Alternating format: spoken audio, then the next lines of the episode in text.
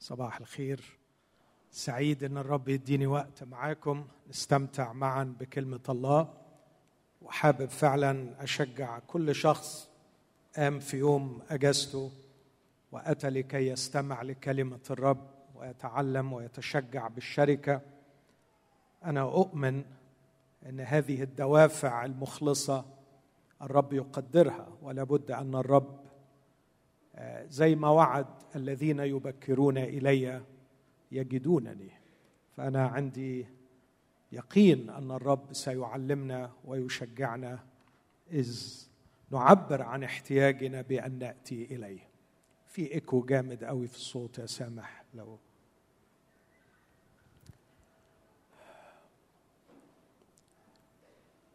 الأسبوع ده حصلت معايا ثلاث حاجات أو في ثلاث حوادث أثاروا في الموضوع بتاع الحديث اللي الرب حطه على قلبي أشارككم به النهارده. فأنا ناوي أشارك تحت هذا العنوان قرارات لا تحتمل التأجيل. مش كل قراراتنا في الحياة من النوع ده. عندنا قرارات كتير قوي كل يوم بنأجلها. مش عايز أضيع الوقت في إني أذكر أمثلة كتير. لكن كل واحد في حياتنا عنده قرارات متأجلة من سنة من شهر من أسبوع من عشر سنين. لكن النهاردة عايز أشاور على ثلاث قرارات. آه، لو أنت تلميذ للمسيح لو أنت شخص مؤمن حقيقي اختبرت الوحدة مع يسوع المسيح أخذت المسيح مخلص فنصيحتي ومن كل قلبي أدعوك أن لا تؤجل البت في هذه القرارات. لازم القرارات دي تتحسم لأنه التأجيل بتاعها مضر للغاية آه، ضرره يصل إلى حد الهلاك. فأقصد الهلاك بمعنى العدم والنثينجنس أن تعيش حياة بلا قيمة وبلا معنى. فرجائي إن إحنا نناقش مع بعض النهارده هذه القرارات الثلاثة وبشجع كل امرأة وكل رجل نال المسيح أو ارتبط بالمسيح المخلص أن يحسم القرار فيهم. الثلاث حوادث هقولهم آه، ببساطة شديدة جاتني رسالة من أحد الخدام القادة المسؤولين في كنيسة وبيشتكي من حال الرعية حال المؤمنين آه، ومش بيشتكي من أشخاص بعيدين عن الرب لكن مؤمنين حقيقيين في الكنيسة. آه، ترجمت الرسالة على قد ما قدرت أترجمها. هذا الخادم هذا القائد بيوصف وضع المؤمنين في الكنيسة بهذه الكلمات. بيقول إنهم مستهلكين تماما في السعي لإيجاد حياة جيدة ومريحة. ليس لديهم أي اهتمام خارج احتياجاتهم الشخصية والعائلية. هذا التوجه طبقا لرؤية هذا الخادم اللي بيعاشرهم بيقول هذا التوجه يقتل لديهم أي استعداد للتضحية. ما عندهمش استعداد يضحوا. أو أي قدرة على الالتزام بأي شيء يعطل هذا النموذج من الحياة الذي اختاروه لأنفسهم أن يحققوا حياة جيدة ومريحة. ما عندهمش استعداد للتضحية ما عندهمش استعداد للالتزام بأي نشاط أو أي commitment يعطل ال style of life اللي هم اختاروه. وبعدين بيقول ولهذا السبب تجدهم بسهولة لا يلتزمون بوعد ولا يحترمون ميعاد. يعني ممكن يوعد بس يعتذر ببساطة شديدة ما عندوش مشكلة يعتذر. ويدي ميعاد وقبلها بنص ساعة ممكن يعتذر أو حتى لا يكلف نفسه عناء الاعتذار. لا يحبون بذل مجهودا مجهود في الأمور الروحية. ومع هذا لا يشعرون بالذنب لأنهم دائما لديهم عذر أنهم مضغوطين فوق الطاقة. بغض النظر عن حجم هذا الضغط الذي يصفونه بأنه فوق الطاقة. أما من جهة الخدمة في الكنيسة فهم يقبلون على الخدمة التي يمكنهم أن يجدوا فيها كوميونتي مجتمعا ينضموا إليه ويصيروا جزءا منه. وهذا وإن كان حسنا في حد ذاته إلا أنه يجعل الخدمة مجالا للأخذ وليس مجالا للبذل. ده كان تعبير هذا القائد عن ألمه وعن حزنه على الأشخاص المؤمنين الذين يرتبطون بالكنيسة. الحادثة الثانية هذه الرسالة ذكرتني بأحد القادة أيضا وهو قائد متقدم في الكنيسة التي يخدم فيها فيها. وهذه الكنيسة أنا زرتها عدة مرات وخدمت بها. وهو ضمن فريق من قادة حوالي خمسة أو ست قادة بيخدموا معا في هذه الكنيسة. وقد لاحظت في زياراتي السابقة لهذه الكنيسة إن الخمسة دول مرتبطين ببعض بيكونوا كوميونيتي مع بعض بيخرجوا مع بعض بيتعشوا مع بعض بيزوروا بعض. عايشين مع بعض وبيخدموا مع بعض. استقبلني مرة في المطار وفي الطريق شكى لي حزنه وحيرته وبقية القادة بسبب عدم إقبال الناس على حضور الاجتماعات بل وحتى عدم التزام الأعضاء بحضور الاجتماعات الكنسية. وعلى الفور شعرت إني أريد أن أواجهه بما كنت أشعر به. فسالته قلت له عندي سؤال ليك وأرجو أنك تجاوبني بأمانة. افترض أنه لسبب أو لآخر تغيرت استراتيجية الخدمة في الكنيسة فلم يعد لك هذا الدور القيادي فيها. ما عدتش أنت مسؤول. وافترض أيضا أنه لسبب أو لآخر الاربعه الآخرين الذين يخدمون معك هاجروا وبقيت أنت وحدك في هذه المدينة. هتروح الكنيسة قد إيه؟ ما عندكش خدمة؟ وما فيش المجموعه قال لي مش هروح. قلت له أعتقد هي دي الإجابة على سؤالك. لماذا لا يحضر الناس؟ لماذا لا يأتي الناس؟ وأتخيل أنه المرارة تجاه عدم حضور الناس صارت وكأنها مرارة من أشخاص لا يعطونني الفرصة لكي أستمتع بأن أحقق رسالتي أن أخدم وأن أستمتع بالعلاقة مع هؤلاء المجموعة أو هذه المجموعة.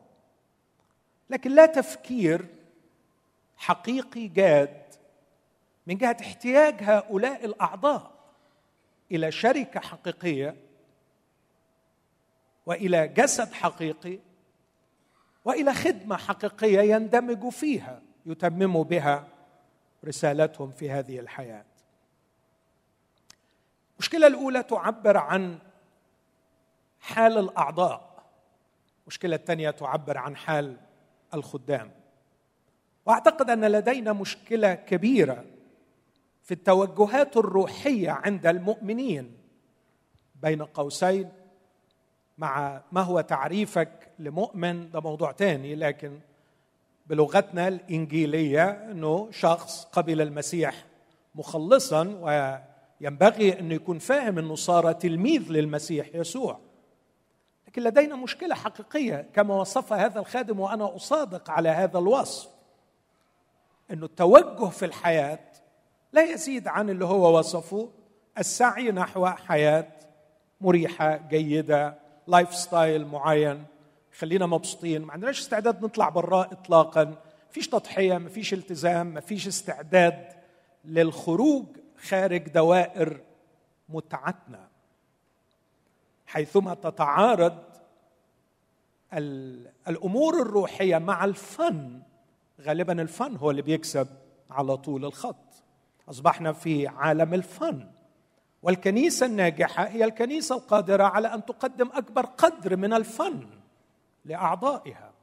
خلي لي الاجتماعات فن. خلي لي الإيفنتس بتاعتنا فن وأنا ساعتها أحضر. أصبح هذا توجه استهلاكي في مجتمع استهلاكي. ارادوا للكنيسة أن تخضع أن تكون أيضا مقدم لما يستهلكونه تنتج ما يستهلكونه لكي يستمتعوا به. لكن من الجانب الآخر أيضا هناك مشكلة كبيرة عند الخدام لأنهم يظنون أن الخدمة هي مجال للاستمتاع وإيجاد كوميونتي وتحقيق الذات وإيجاد نوع من النشاط الاجتماعي أو الروحي. وأنا أعتقد أن هذا وذاك بعيد كل البعد عن القصة المسيحية. وعن التلمذة الحقيقية ليسوع المسيح.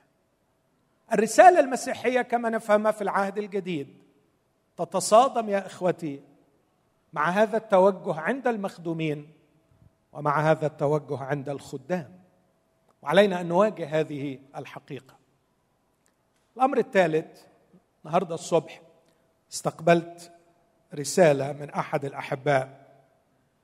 أرسل لي فيها قصيدة.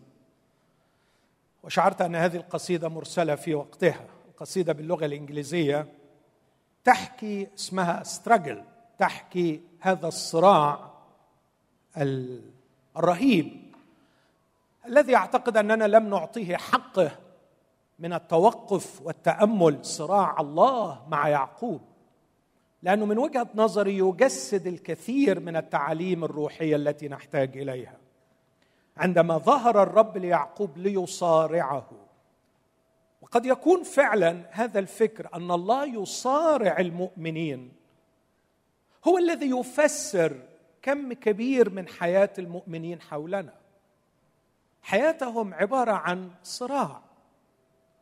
وصراع للأسف مؤلم للغاية. والسؤال هل هو صراع من نوع صراع بولس؟ لهدم حصون وظنون وامتلاك أراضي جديدة في ملكوت الله أم أنه صراع من أجل أمور شخصية؟ الصراع في حياة يعقوب كما تعودت أن أقول لم يكن يعقوب يصارع الرب لكي ينال البركة كما يفهم البعض. لكن كان الرب هو الذي يصارع يعقوب لكي يغير طريقة تفكيره.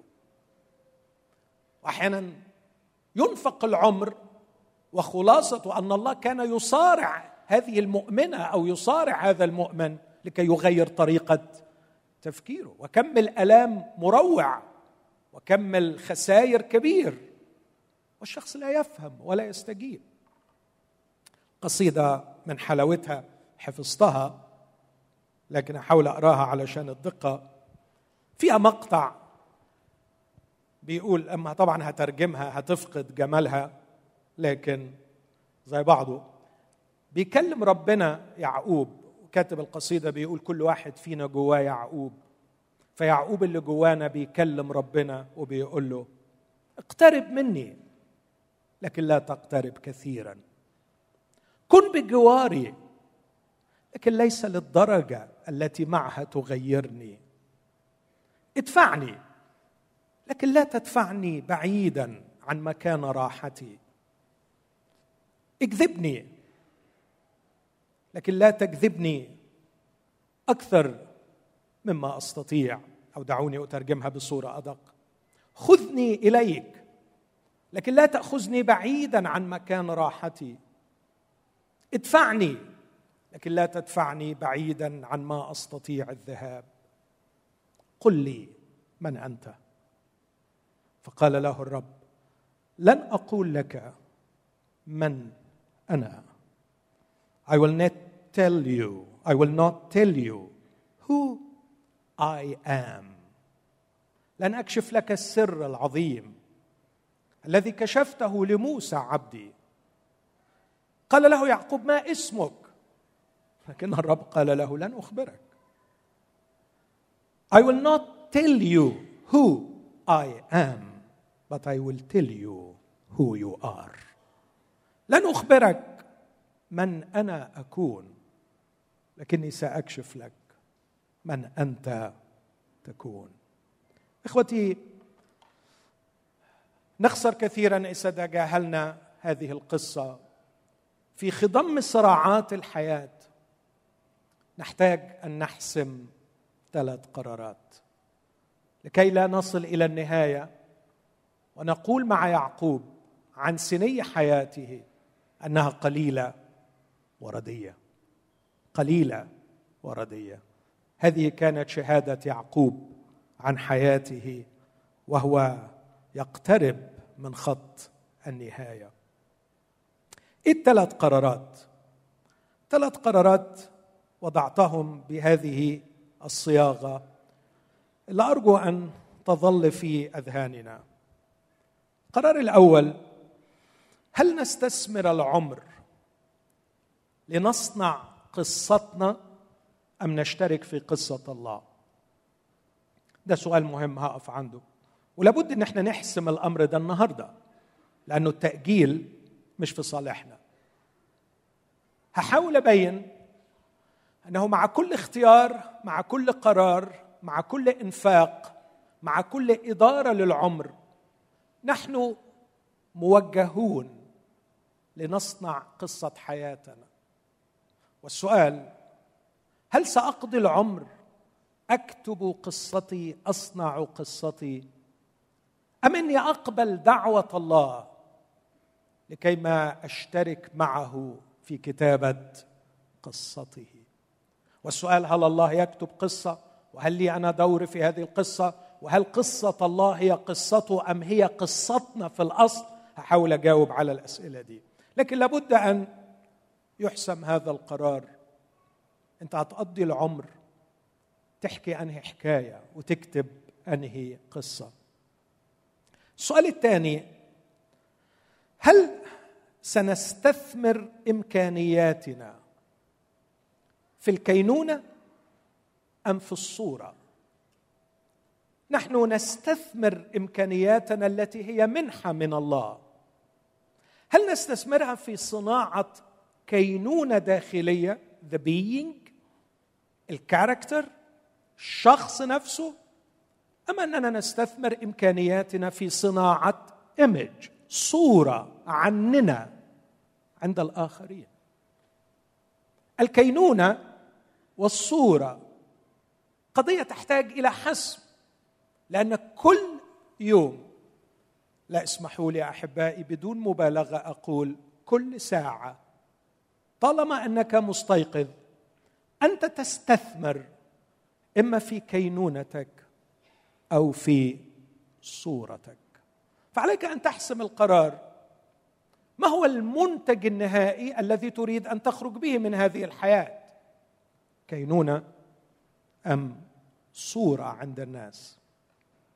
والأمر الثالث هل تستثمر في السماء أم في الأرض فقط؟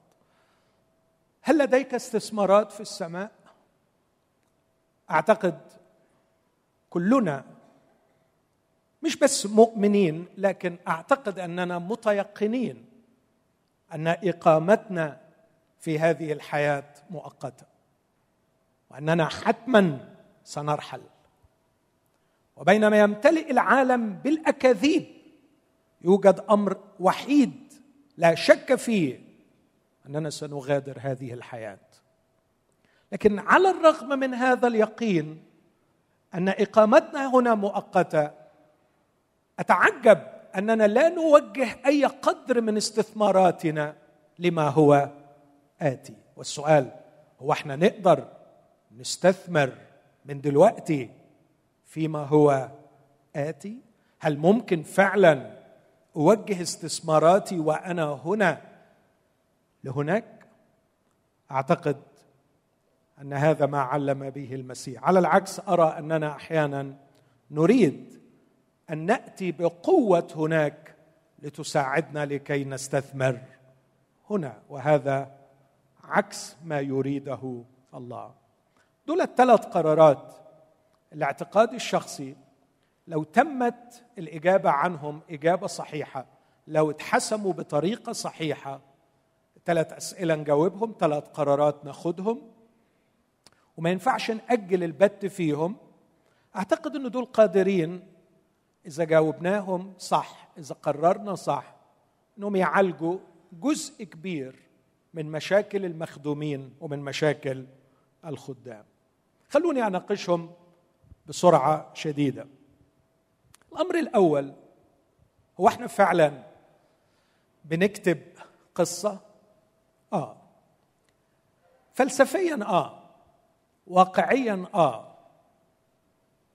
الاتجاهات الفكرية اللي بتدرس ال sociology وال anthropology والفلسفة لما بتشرح النفسية الإنسانية والطريقة التي يتخذ بها الناس قراراتهم نحن نفكر في حياتنا على أنها قصة.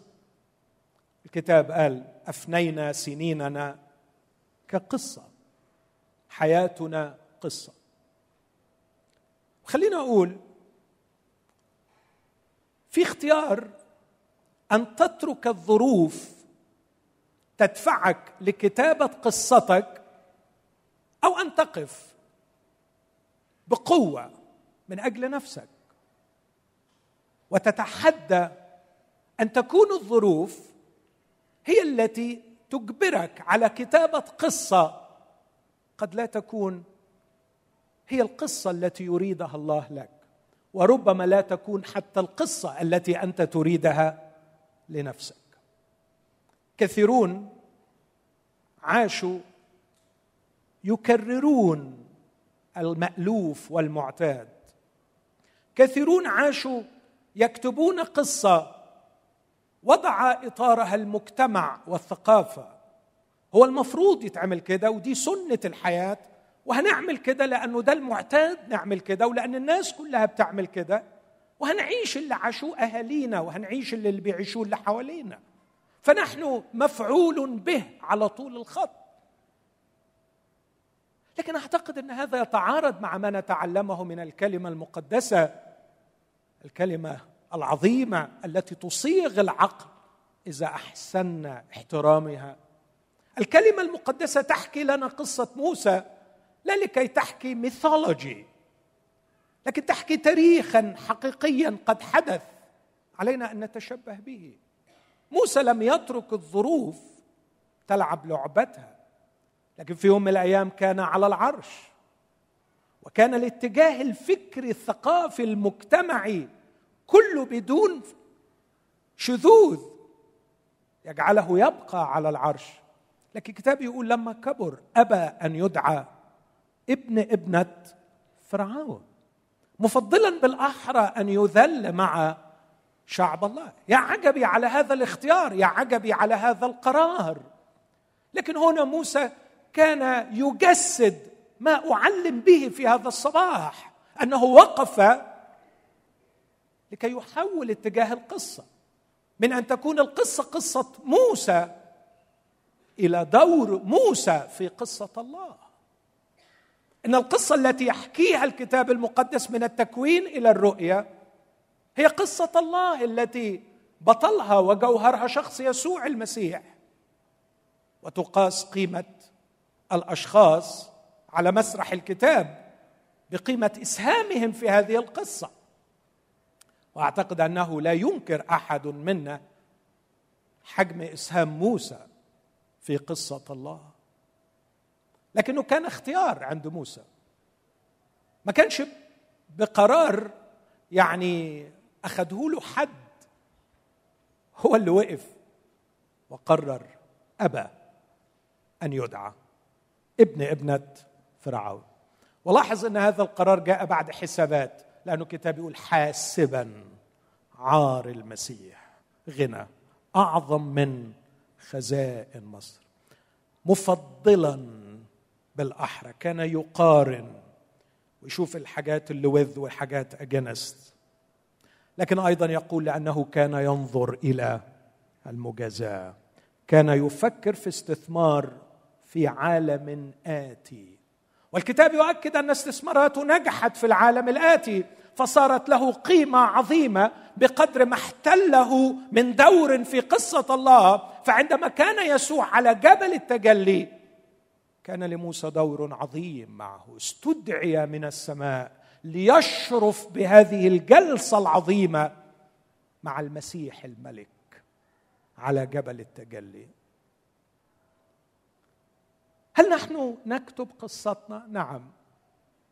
لكن أحيانا نكون نكتب قصتنا كمفعول به قلم يحركه المجتمع ليعيد قصة أبائنا وأجدادنا ومن حولنا والظروف تملي علينا دون أن يكون لنا موقف إيجابي فيه نختار اختيارات معينة لصالح الله ولصالح قصة الله.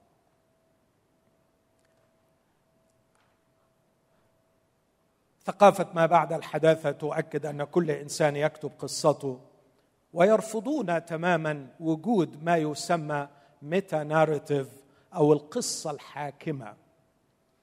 لكن الواقع أن كل مجتمع لديه قصة حاكمة ميتا ناريتيف توجه الأشخاص في كتابة قصصهم الشخصية. مفهوم كلامي؟ مش مفهوم. حاضر. أوضح. لو مسكت شاب صغير لغاية مثلا نقول ثانوية عامة ما كانش ليه أي اختيار في أي شيء. هو ما اختارش المدرسة اللي يدخل فيها ما اختارش المدرسين اللي يجيبوهم له ما اختارش الكنيسة اللي يتحط فيها ما اختارش أي حاجة.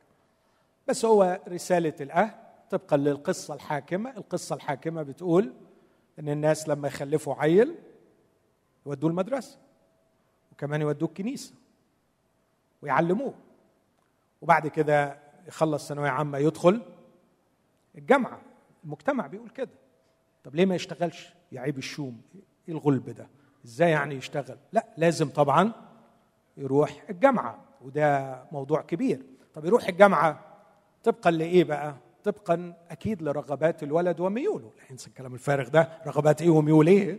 مفيش كلام الفاضي ده. وحتى هو ما بيبقاش عارف أحيانا رغباته وميوله لكن طبقا للمجموع طبقا للظروف المادية طبقا لطبقا لطبقا. فخلاص هو يدخل الجامعة طبقا للظروف دي. طب بعد ما يدخل يخرج من الجامعة ويتخرج لازم اشتغل وهنا نبدأ بقى كل أنواع الوسائط ومن ضمن الوسائط اللي بنحاول نستعملها برضو حكاية الصلاة. يعني يعني شغل لنا الولد يعني مش معقول. خلي القصة تكمل. وانت إيه شغلتك في الدنيا غير انك تخدم على القصة بتاعتنا. امال إيه معنى الصلاة؟ إحنا بنصلي لك علشان تتدخل وتخلي الحكاية تمشي. إيه الحكاية؟ الحكاية اللي إحنا كلنا متفقين عليها. مين اللي متفق عليها؟ المجتمع كله متفق عليها. إن الواحد بعد ما يخلص جامعة ويتخرج لازم يشتغل فأنت لازم تشغله. طب الحمد لله اشتغل. بعد ما يشتغل طبعا. هي دي عايزة تفكير. هي دي محتاجة حيرة. أما أنتوا حاجة غريبة فعلا. القصة بتقول إن الواحد بعد ما يشتغل يتجوز فالبنات كلهم عايشين. لا تبحث عن رسالة لها في الحياة لا تبحث عن إمكانياتها لا تبحث عن شخصيتها لا تبحث عن تحقيق ذاتها لا تبحث لا تبحث لا تبحث. إنها تنتظر. حتى نوع الكلية يديها فرصة أفضل. إنها تنتظر تنتظر عريس الغفلة تنتظر لأن المعنى يتحقق من خلال الزواج. وبدون الزواج هي في مأساة حياتها يوسلس حياتها ملهاش أي معنى. هذه حماقة. هذه حماقة مدمرة للمرأة.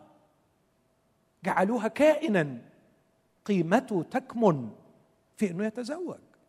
فهي قاعدة مستنيه تتجوز. وحتى لما بتشتغل شغلانة تقييم الشغلة البرستيج اللي تديه لها اللي يمشي سوقها في سوق الزواج. بس الحمد لله هم في الآخر اتجوزوا. طبعا بعد غلب ومرار وتعب وحيرة وصلوات ودموع ونسوق على ربنا كل الخدام ونقرأ كتب ونعمل كل حاجة علشان موضوع العقدة الكبيرة اللي في الدنيا دي اللي اسمها الجواز. وبعد ما يتجوزوا لازم يخلفوا طبعا وإلا الحموات الاثنين هتبقى في مشاكل بينهم. هي تقول منه وهي ده يقول منها وشغلانة كبيرة. فلا بد انه القصة تمشي. طب وإيه اللي يخليهم لازم يخلفوا يعني؟ يا اخويا إيه يا أخويا الكلام الفارغ اللي بتقوله ده؟ لازم طبعا يخلفوا. ما إحنا هي القصة بتقول كده. مين اللي عمل القصة دي؟ الميتا ناريتيف. مجتمع ويل لا أدعو إلى التصادم مع المجتمع. لكن عايز أقول إنه ينبغي علي كتلميذ ليسوع المسيح أن تكون القصة الحاكمة لحياتي. ليست القصة التي صنعها. المجتمع. لكن القصة التي يكتبها الله وبعد ما خلفوا يلبسوا في الحيط خلاص ملناش دعوة بيهم تصرفوا فعلا المجتمع قعد يبوش يدفع يدفع ويشكل ويزنق لغاية ما لبسهم في الحيط. وبعد ما خلفوا محدش يسأل فيهم. كل واحد مع نفسه. كل واحد يعيش مأساته ولا صراعاته. يخلص نفسه من مشاكله. بس أنا مش لاقي معنى أنا مش سعيد. أنا مش مبسوط. أنا مش حاسس إن وجودي له معنى. تصرف مع نفسك خلاص إحنا قصتنا خلصت عند كده. ده آخر فصل في الحكاية اللي بيحكيها المجتمع. توصل لغاية الخلفة وبعد الخلفة مع نفسك بقى تصرف دور لك على أي معنى. ومن هنا بيجي الفشل والإحباط والطلاق والمخدرات. الأمر اللي وصل بلدنا العزيز أن تكون الأولى على العالم في الطلاق. 240 حالة طلاق كل يوم. لو المحاكم شغالة 8 ساعات في اليوم معناها انه كل دقيقتين محاكمنا في مصر بتصدر حكم بالطلاق. مخدرات جنس بورنوغرافي كل هذه المآسي لأننا لدينا جيش كبير فاقد المعنى في الحياة لأن القصة الحاكمة التي قدمها له المجتمع وقفت عند حدود يتعلم يتخرج يشتغل يتجوز يخلف ذاتس ات وهي قصة للجميع. لا احترام لفرديتي لا احترام لمواهبي لا احترام لتميزي لا احترام لقصد إلهي خلقت من أجله. حدش بيدور على كده. هل من الجانب الآخر هناك قصة يكتبها الله؟ نعم. إخوتي الأحباء أنا ما أعرفش إزاي ممكن أتسمى مسيحي. وأنا لا أؤمن أن الله يتداخل في التاريخ ويتداخل في أحداث الحياة ويتداخل بقوة في حياتي كفرد. بالعكس الكتاب المقدس قدم لنا السي في بتاع الله السي في بتاع الله. وفي السي في بتاع الله الله يتكلم عن من يكون هو وما هي إمكانياته وما هي شخصيته وما هي صفاته وما هي مواهبه ما هو ما يحب وما يكره. لكن في الآخر يقدم الجوب بتاعته الوظيفة بتاعته وعجبي قال إن الوظيفة بتاعته أفسس 2 عشرة لأننا نحن عمله. إحنا شغلته. كأن ربنا بيقول لي ماهر حبيبي أنا من الصبح لليل ما ورايش حاجة غير أنت. أنت شغلتي. أنت شغلتي. أصنع فيك يا ابني شخصية تبهرني. أنجز فيك يا ابني ما أحببت أن اراه فيك قبلما صورتك في البطن. أقودك يا ابني لأعمال صالحة. سبقت وأعددتها لك لكي تسلك فيها. أفجر فيك يا ابني إمكانيات كامنة أنت لا تعرف عنها شيئا لكني أفعلها وأخرجها فأقودك في رحلة فيها تكتشف ذاتك تتعرف على نفسك تحتفظ بحالة الاندهاش من كثرة المفاجآت وأنا أفاجئك كل يوم بما أصنعه في حياتك. أجعلك ترنم. مع المرنم وتقول هلموا أيها الشعوب اسمعوا فأخبركم بما صنع لنفسي ما أهيب أعماله. ما أهيب أعمال. إن أعماله تخلق في السنس اوف أو حالة الإعجاب والدهشه والرهبة. لما يصنعه فيه لما يقودني إليه لما ينجزه من رسالة خلقني من أجلها في هذه الحياة. هذه قصة الله. الله له عمل. وعمله نحن. الله له عمل في الأرض. لكن يعمل عمله في الأرض من خلالنا نحن. الله يصنع التاريخ. لكنه يصنع التاريخ بنا نحن. نحن يشكلنا. نحن عمله الرئيس. نحن عمله الأساسي. نحن عمله الأول. ثم كل ما يعمله في التاريخ وفي الأرض وفي العالم وفي الحاضر وفي الخلود يعمله بمن عملهم وهم نحن. هل أسلم نفسي له؟ وأحاول أن أكتشف دوري في قصته. أما أنك ستصر على أن تكتب قصتك بنفسك؟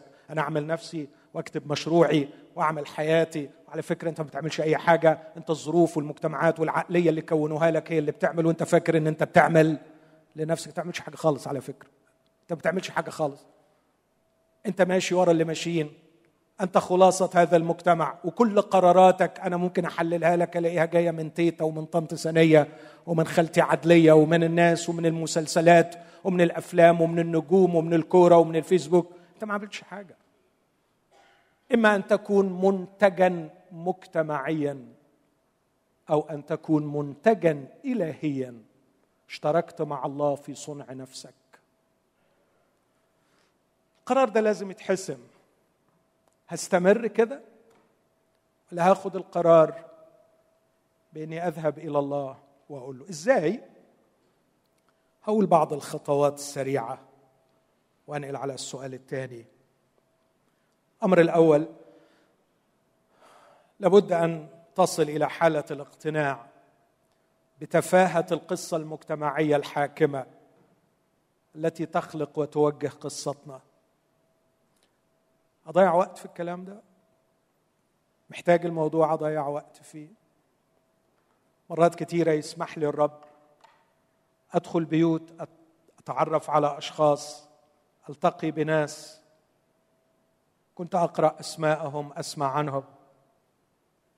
ويقينا بسبب القصة المجتمعية تعطي لهذه ال...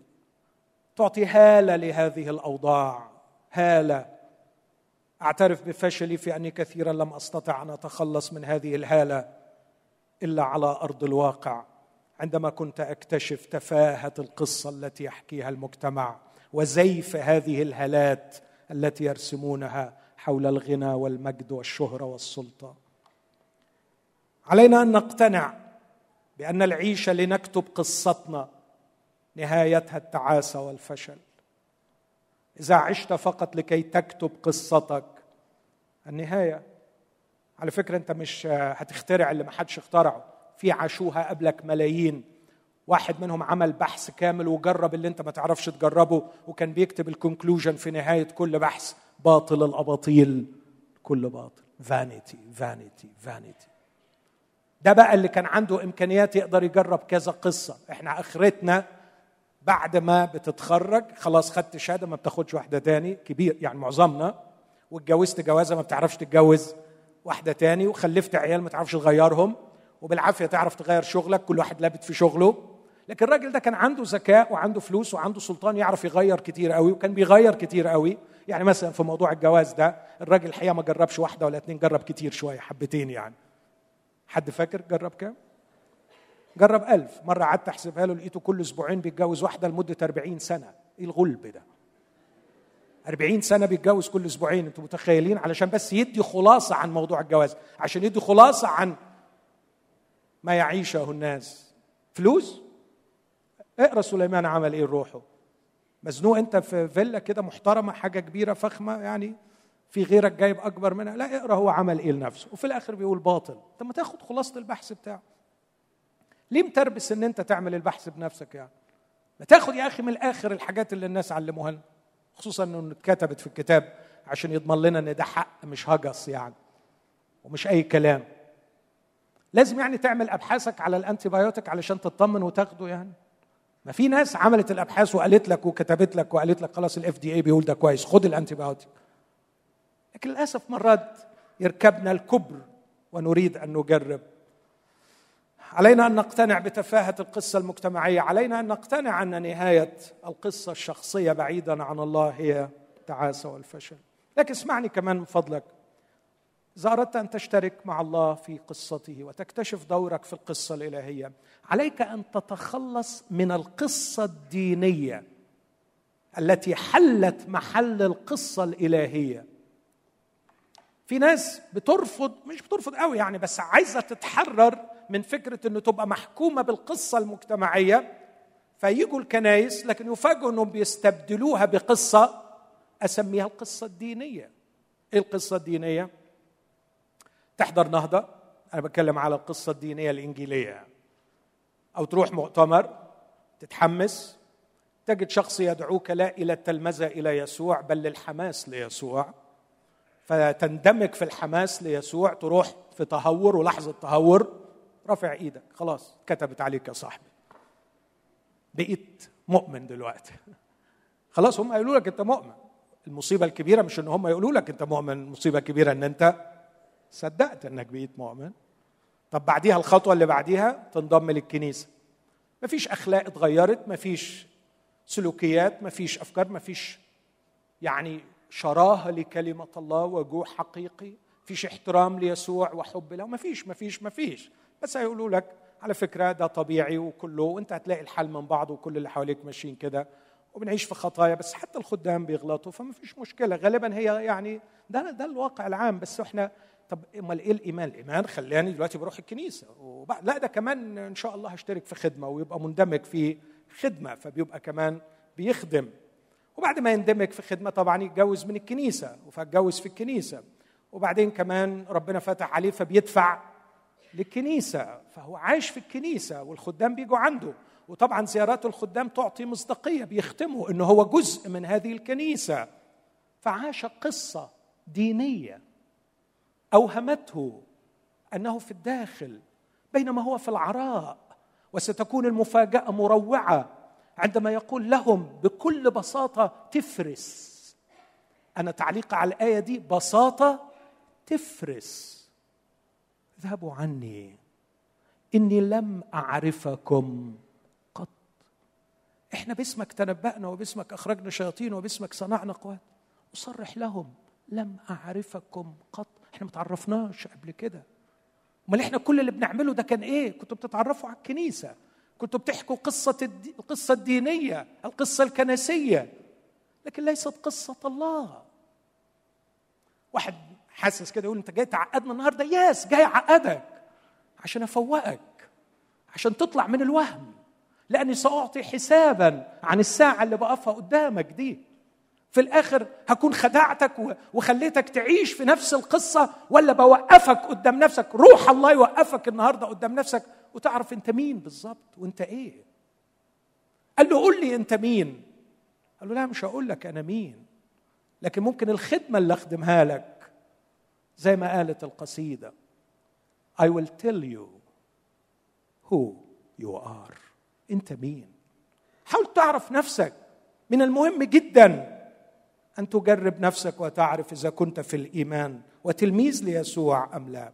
الأمر الرابع لكي تندمج في قصة الله أنت لازم تكون واثق في صلاح الله الآب. لازم تكون مطمن له. مرات ناس بتسلم لربنا بس بتقول له بص أنا هسلمك بس بالظبط زي ما قالت القصيدة. يعني عايزك تقرب بس ما تقربش قوي.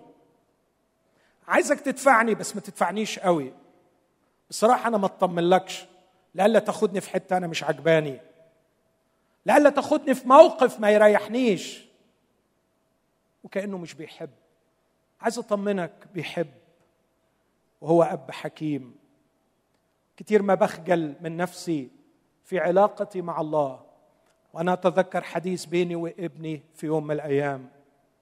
كان يعاني من أفكار الحادية قاسية. استأثرت بعقله. وحطمت قلبي أنا وأمه. وكنا في وقت عصيب.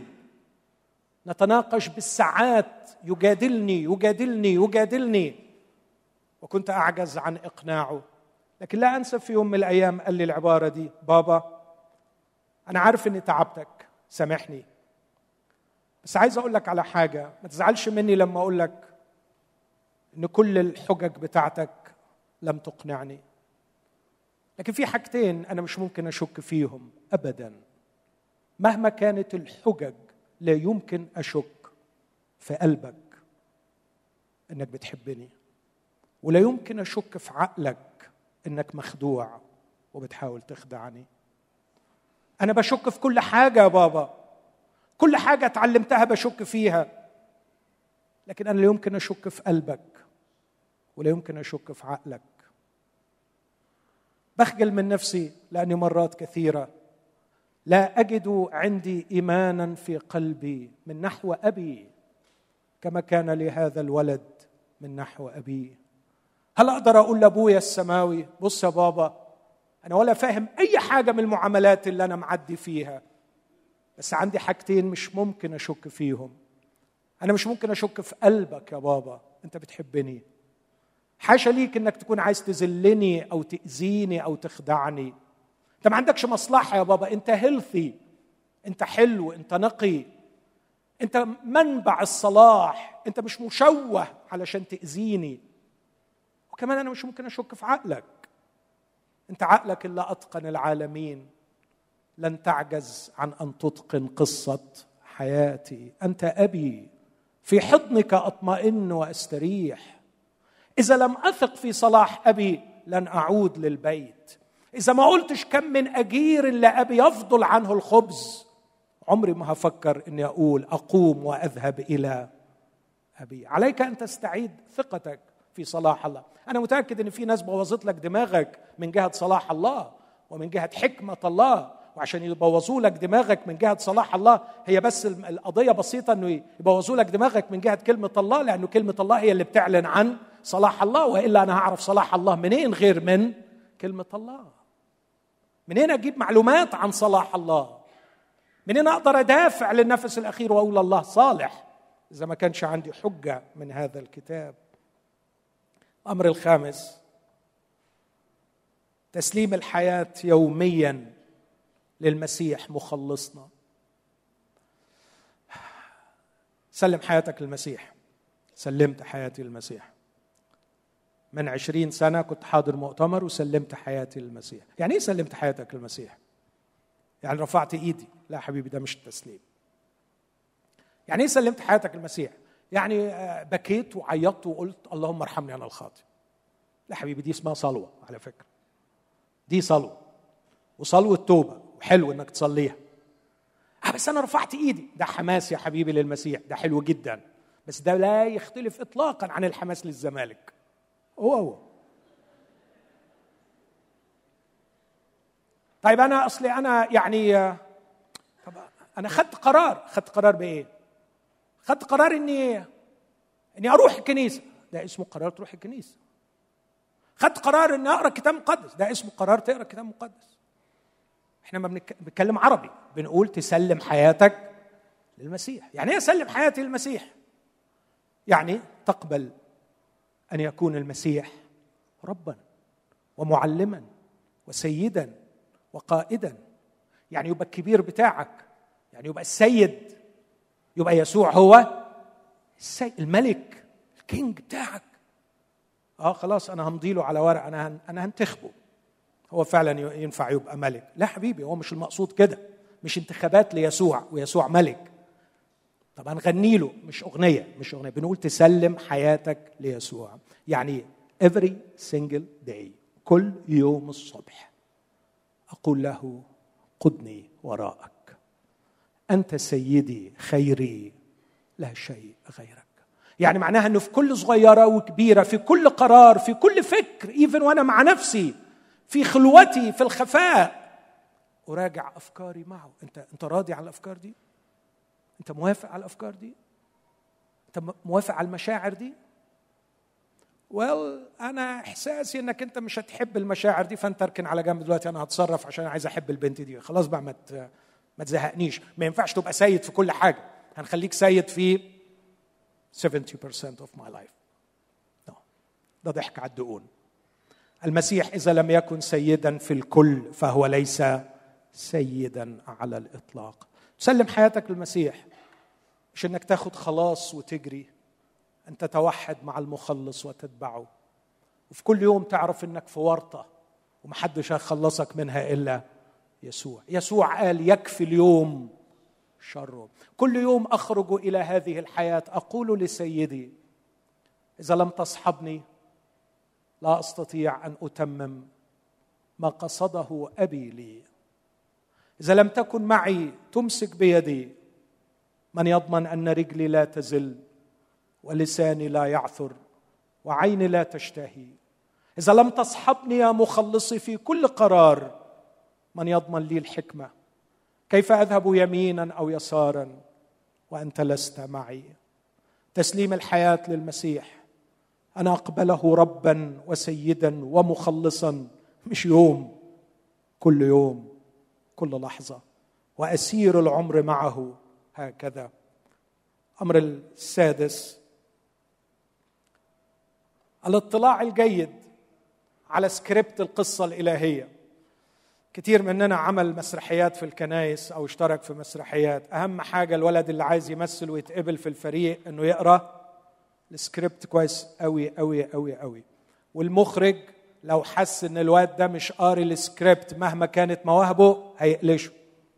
لابد من قراءة السكريبت. وإحنا عندنا scripture عندنا scripture القصة الإلهية هو هذا الكتاب. هذا الكتاب قيمه تكمن أنه نفخة الله التي تحكي أبعاد القصة الإلهية. حكت فصولا منها عظيمة. سلطت الضوء على روح القصة وبطلها وجوهرها يسوع المسيح. وتسلط الضوء على نهاية القصة في المستقبل. ثم تكشف لي بتفصيل كثير دوري الآن الذي علي أن اتممه في هذه القصة. سكريبت الدراما الإلهية سكريبت القصة الإلهية الكلمة الحية الفعالة القادرة أن تبنينا وتعطينا ميراثا مع جميع المقدسين. اخر شيء إذا أردت أن تشترك في أو تأخذ دورك في قصة الله الأمر السابع عليك أن تطيع الروح القدس في حياتك. الله الروح القدس مش زينة. الله الروح القدس مش كده حاجة option الذين ينقادون بروح الله أولئك هم أبناء الله. الروح القدس مش جاي علشان يخليك سوبرمان. الروح القدس مش جاي علشان يخليك واحد ما حصلش بين المؤمنين. بالعكس الروح القدس سكن فيك عشان يخليك مؤمن عادي. وإحنا حلمنا بس إن إحنا نبقى مؤمنين عاديين لأنه الحقيقة حتى دي فقدناها. الروح القدس فيا يقودني في كل شيء. كي أفعل مشيئة الله. آه بس أنا ما بعرفش أسمع الروح القدس. دي غلطتك. أنا ما بميزش بين إرشاد الروح القدس و, و... و... وصوت السايكولوجي بتاعي. صح. تعرف ليه؟ عشان سألت الروح القدس ثلاث مرات في ثلاث مواضيع طول عمرك. أتجوز مين؟ أشتغل فين؟ أهاجر ولا ما أهاجرش؟ لكن لو حضرتك اخترت كل يوم عشر حاجات تنتظر فيهم إرشاد الروح القدس أكيد مع الوقت هيبقى عندك خبرة عريضة في تمييز صوت الروح القدس. روح القدس مش غامض ولا مذل وعايز يعذبنا. بس إحنا ما بنسمعهوش. نسمعه عند اللزوم. قافلين عليه الباب. خليك انت هنا. لما هنعوزك هنجيلك. ما ينفعش. الذين ينقدون بروح الله أولئك هم أبناء الله. كان في سؤالين تانيين طبعا مش هجاوب عنهم وإلا هترجم بالحجارة. أنا خدت أكتر من وقتي. لكن أخشى إن في شاب يقول بس ده كده مش مريحني. أنا في الآخر ليه أكتب قصة ربنا يعني؟ وأنا برضو من حقي إن أنا أكتب قصتي. بص حبيبي لو السؤال ده جواك غالبا أنت مش مولود من الله. لأن اللي اتولدوا من الله عارفين صلاح الله. ويعشقوا أن يكون لهم دور في قصة الله. ودي أول علامة من علامات الولادة الجديدة. لكن الأمر الثاني عايز أقول لك على خبر. على فكرة قصة الله هي قصتنا. بس قصتنا الصح. واللي انت فاكر انه قصتك هي مش قصتك. هي قصة المجتمع اللي ماشي غلط. بالعكس هتكتشف إن الله في النهاية لم يكن يفكر في نفسه لكن كان يفكر فينا. وقصة الله هي قصة الفداء. والفداء ده فداء الهوى فداء كونسبتس كده ولا فداء إيه أنا؟ قصة الله هي قصة الحب الحقيقي. الذي بحث عني كي يخلصني من ضياعي وفشلي. فلما أقول لك تعالى العب دورك في قصة الله مش الله هو المستفيد. لكن أنت المستفيد لأنك تحتاج إليها. خذ القرار النهارده أنت هتنوي على إيه. هتستمر في كتابة قصة حياتك في القرارات والاختيارات اللي بتعملها. هتكون موجه القصة الحاكمة. هي قصتك الشخصية وال style of life اللي انت عايز تعيشه والوضع والبرستيج واللي المجتمع غسل لك دماغك بيه ولا القصة هي القصة الإلهية التي تحكيها كلمة الله. لو كنت زعلت مني سامحني.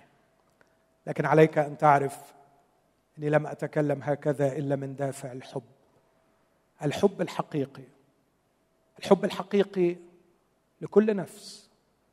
لأن الله يريد أن جميع الناس يخلصون وإلى معرفة الحق يقبلون.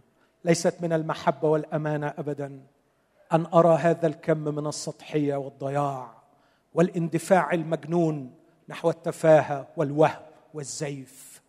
بينما لدينا أمور عظيمة ينبغي أن نعيش من أجلها نهملها ونتركها. الرب يدعوك النهارده أن تأخذ مكانك ودورك في حضنه كابن وفي قصته كقصة حقيقية خالدة باقية إلى الأبد. الرب يدعوك لحسم هذا القرار. ترمي في حضن أبوك واقبل الخضوع ليه اقبل محبة المسيح لك. اقبل قيادة الروح القدس لك. خلونا نقف وإحنا مع سامح وإخواتنا. خلونا نقف مع بعض وإحنا بناخد دقايق في التوبة أمام الله.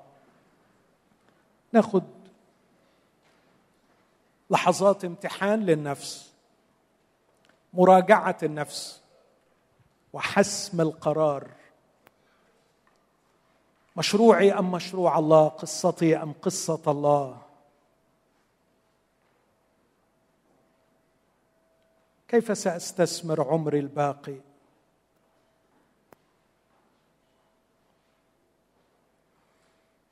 أتمنى إن اجتماع النهارده يتمخض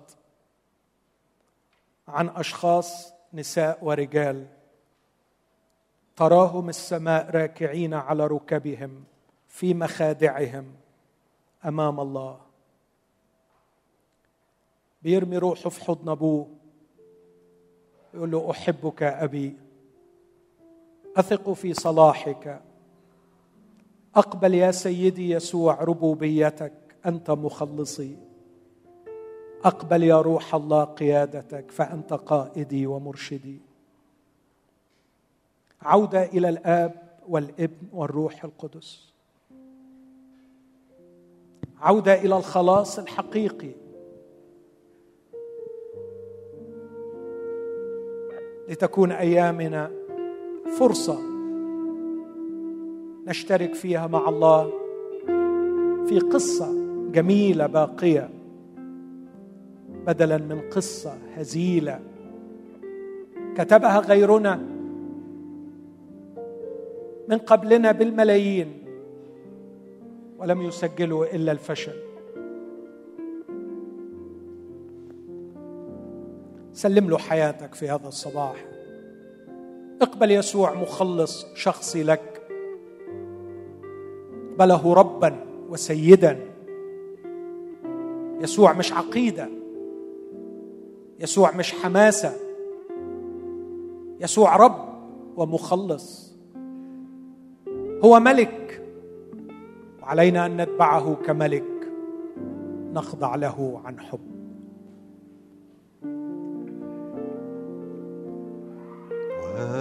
وجهت قلبي نحوك.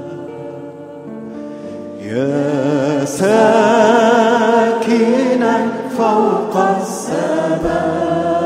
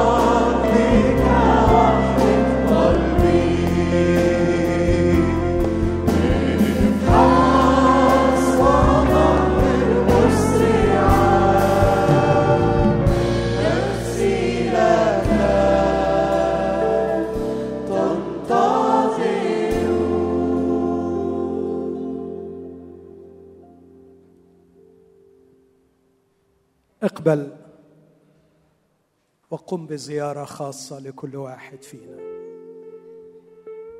وتحدث إلى كل واحد وواحدة منا حديثا خاصا. اقبل واجذبنا إلى قلبك فنقف في محضرك. نصرخ مع إشعياء ويل لي. اقبل وادخلنا إلى مقادسك واكشف لنا حقيقة أنفسنا. جهز لنا غفرانك. اغفر لنا إذا ملأنا الشعور بالذنب. واسترنا ببرك. إذا انكشف خزينا وعرينا وافتح عيوننا لنثق في صلاحك وحكمتك. فنقبل بشجاعة أن نسلمك حياتنا. اقبل أيها المخلص الحبيب واصحبنا. فرحلة العمر أصعب جدا من أن نسيرها بمفردنا. لسنا كفوا أن نقرر مصائرنا. نحتاج إليك. اصحبنا أيها المخلص. وعلمنا كيف علمنا كيف نشمئز من الكبرياء الذي يجعلنا نتعالى على أن نكون تلاميذك الخاضعين لك. شرفنا بالخضوع لك. أبانا المحب اغدق علينا بصلاحك الأبوي.